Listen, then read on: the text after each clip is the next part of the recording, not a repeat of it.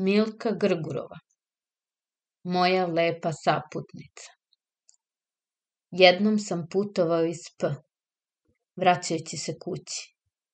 Na stanici bilo je toliko mnogo sveta da su svi kupeji bili prepuni, ali u jednom kupeu prve klase koju mi je konduktor otvorio bila je samo jedna ženska.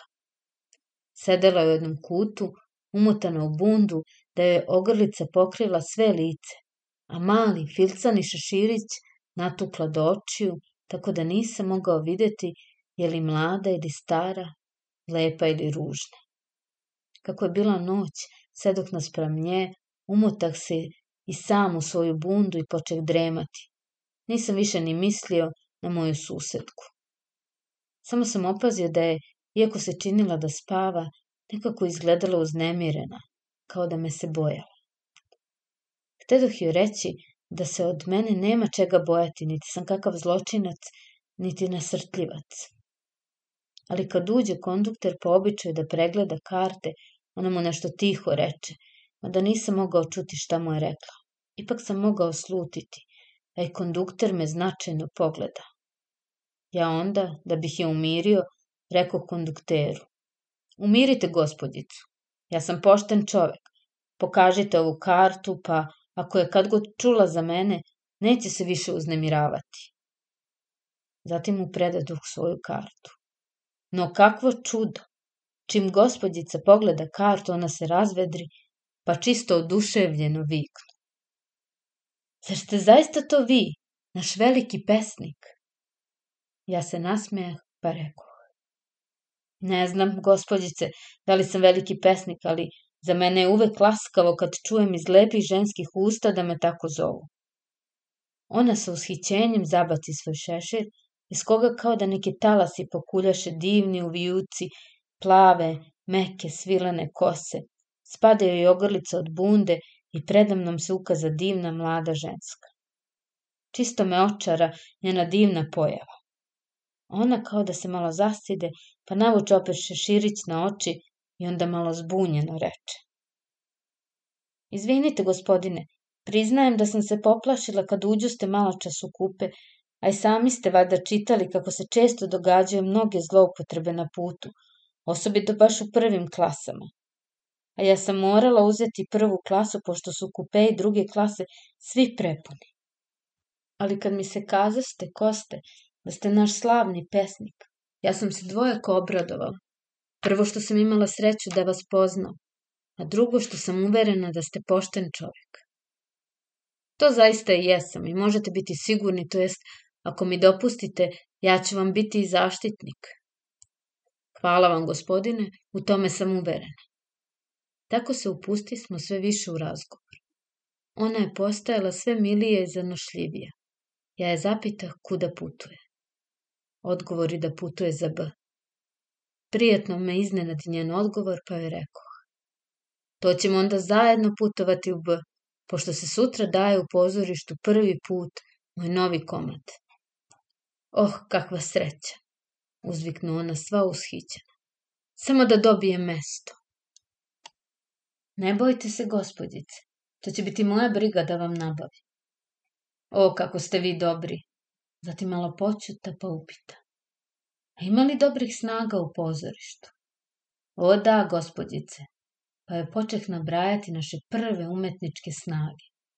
Ona čisto van sebe reče. Kako mora biti lepo kad glumac stekne tako slavno ime, pa da ga publika kao velikog umetnika pozdravlja.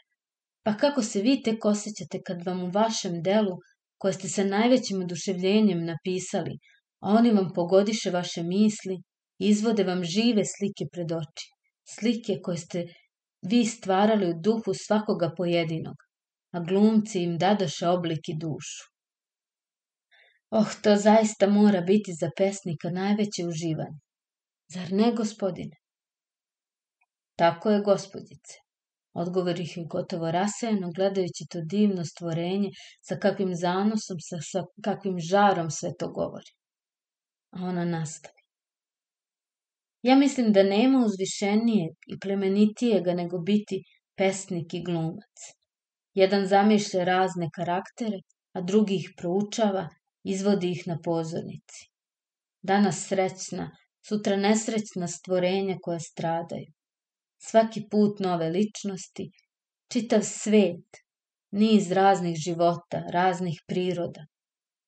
Svet nedomašan, neodoljiv, očaran, pun. Pun iluzije, jel te? O, tako je. Blago onima kojima je dato da mogu stupiti na te čarobne daske. Pa zašto i vi ne postanete glumice? Ili ste možda već glumice? O, nisam, nisam i vrlo mi je žao što nisam. Pa ako niste, možete biti. To sam je zaista kazao iskreno, pošto sam video da ima dara i temperamenta. Ona na jedan put skoči sa svog mesta, sede pored mene i povika. O, ako me vi budete protežirali, onda ću zaista i biti umetnica. Zatim poče deklamovati neke stihove sa takvim žarom i zanosom da sam bio iznenađen. Pa u mome ushićenju htedoh je zagrliti. Ali ona se brzo izmače, pa me opomenu šta sam joj obećao. I ja se čisto zastideh. Međutim, ona je jednako prijetno brbljala. Zatim izvadi svoju džepnu maramu koja zamiri sa nekim zanosnim mirisom.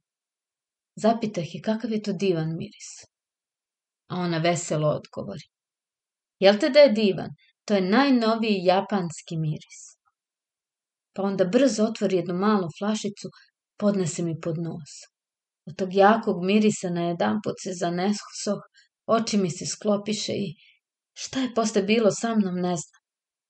Zaspao sam tako tvrdo da me je kondukter jedva razbudio, pošto stigo smo u B. A napolju je već i uveliko svanulo. Protrljah oči, pogledah oko sebe, ali moju saputnicu ne vide. Zapita konduktera gde je gospodjica. Oho, odgovori on, od kad je ona izašla? Sad mi tek puče pred očima da je to morala biti kakva probisvet. Brzo se opipah, da li je novčanik od mene? Jest vraga, nema ga, a nema ni mog briljantskog prstena. Moja lepa saputnica uveri me da je u životu izvrsna veštakinja. Žao mi je samo što je nikada ne doznah ime, kao što nikada ne dođeh do moga novčanika, ni do briljantskog prstena.